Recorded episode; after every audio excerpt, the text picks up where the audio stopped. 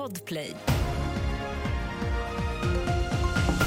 Nyheterna börjar med att telekombolaget Tele2 säljs till en europeisk telekomkoncern enligt bolagets ägare Kinnevik. Stenbecksfärens maktbolag säljer alla sina andelar för 13 miljarder kronor men delar av affären som genomförs i tre steg måste godkännas utifrån EUs konkurrensregler. Israels premiärminister Benjamin Netanyahu säger till amerikanska CBS att man ska evakuera civila från Gaza.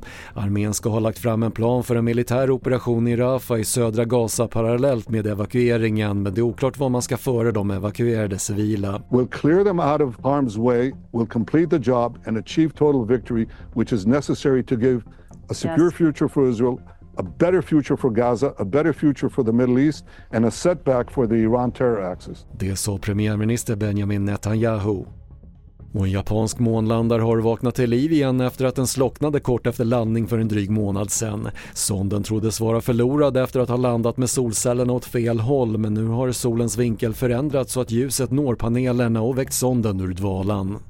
Fler nyheter hittar du på TV4.se. Jag heter Patrik Lindström.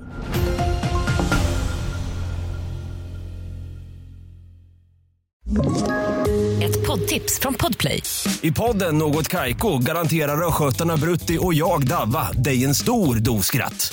Där följer jag pladask för köttätandet igen. Man är lite som en jävla vampyr. Man har fått lite blodsmak och då måste man ha mer. Udda spaningar, fängslande anekdoter och en och annan arg rant. Jag måste ha mitt kaffe på morgonen för annars är jag ingen trevlig människa. Då är du ingen trevlig människa, punkt. Något Kaiko, hör du på Podplay. Därför är gardinerna.